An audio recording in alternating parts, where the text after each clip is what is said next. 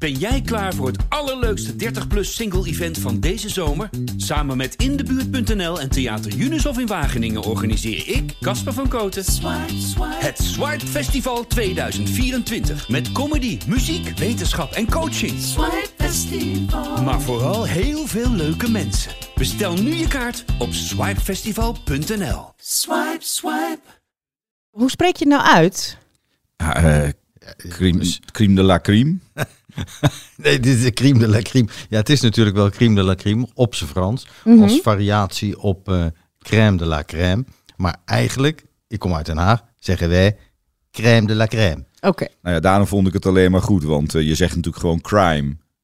Crime de la crime, maar dat is een beetje Ja, tong, slaat tongbreker. Ja. Oké, crime de la crime dus.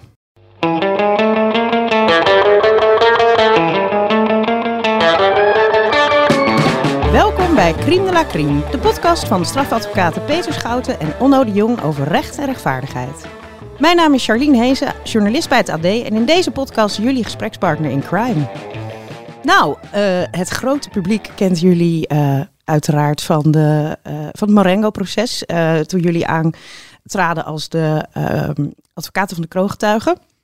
Maar, nou ja, dus jullie zijn, wie, zijn, wie zijn jullie verder nog meer eigenlijk?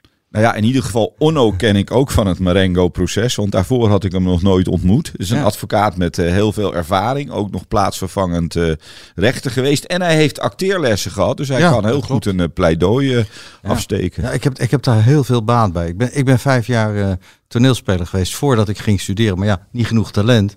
En dan maar rechten gaan studeren, want iets anders...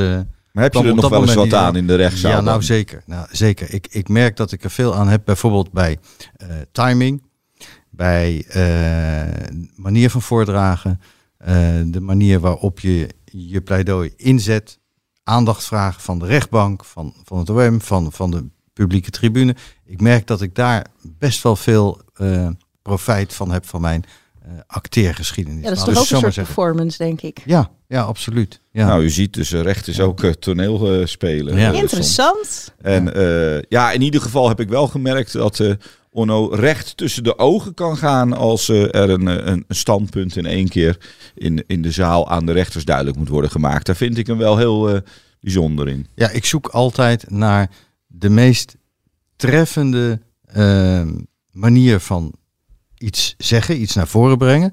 Maar dan wel zo kort mogelijk. Ik heb altijd iets, als het niet in een paar woorden kan, laat het dan maar, want dan is het niet goed. Daar zoek ik altijd naar, ook in mijn pleidooi.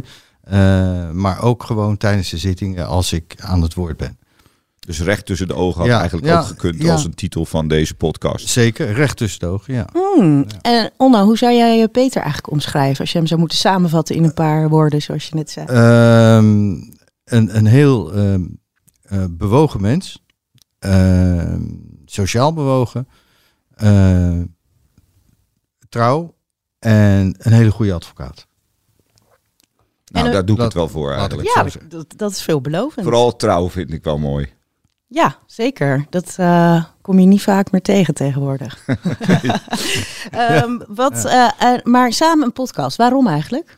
Eh, omdat wij hebben gemerkt dat tijdens onze samenwerking er heel vaak onderwerpen waren die wij eh, over het voetlicht wilden brengen. Waarvan we dachten van god, dat zou wel leuk zijn om dat eens uit te leggen. Eh, en ja, dan krijg je een interview of je zit bij een talkshow en dan krijg je daar weer net niet de gelegenheid voor.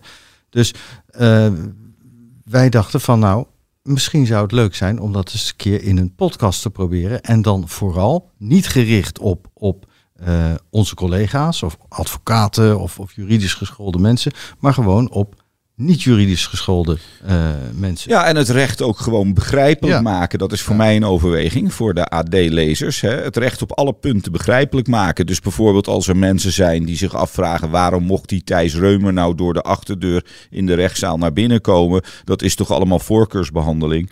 Dan wil ik gewoon dat mensen weten dat dat gaat om orde en veiligheid. En dat de rechters hebben besloten dat het zo Ja. netjes mogelijk moet verlopen... en er geen eh, narigheid moet ontstaan.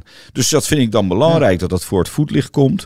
Zodat mensen echt zelf ehm, eigenlijk ehm, hoog komen te staan in het begrip Ja. van hoe wij rechtvaardigheid in een rechtszaal naar voren brengen. Ja, nog even daarop inhaken, want dat is wel interessant wat je zegt. Ehm, ik hoorde dat gisteravond ook op het nieuws. Waarom krijgt hij nou een soort van voorkeursbehandeling?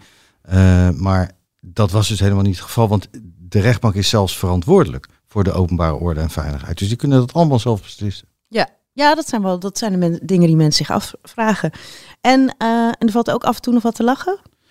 Um, er gaat in deze podcast zeker gelachen worden, want uh, Onno is uh, uh, rechts en ik ben links. Dus ik denk dat we het zo nu en dan behoorlijk met elkaar aan de stok krijgen. Maar wij doen dat wel altijd met humor. Ja, nou, ik ben genuanceerd, laat ik het zo maar zeggen. Kijk.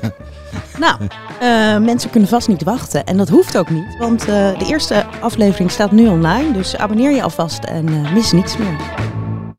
Ben jij klaar voor het allerleukste 30-plus single-event van deze zomer? Samen met Indebuurt.nl en Theater Unisof in Wageningen organiseer ik, Casper van Koten, het Swipe Festival 2024. Met comedy, muziek, wetenschap en coaching. Swipe Festival. Maar vooral heel veel leuke mensen. Bestel nu je kaart op swipefestival.nl. Swipe, swipe.